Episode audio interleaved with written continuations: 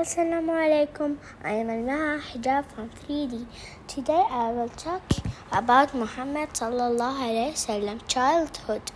Muhammad sallallahu alaihi wasallam was born in Mecca. His father Abdullah died before he was born.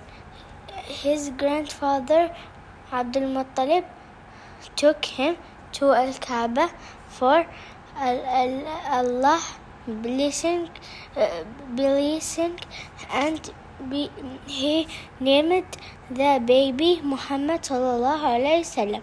They gave Muhammad to Halima radiallahu anha to take care of him and feed him milk sin, since uh, she took him. Her life, her life ch- changed, changed, changed, changed, changed and became better. Muhammad stayed with Halima for four years old. He lost his mother when his age six years old.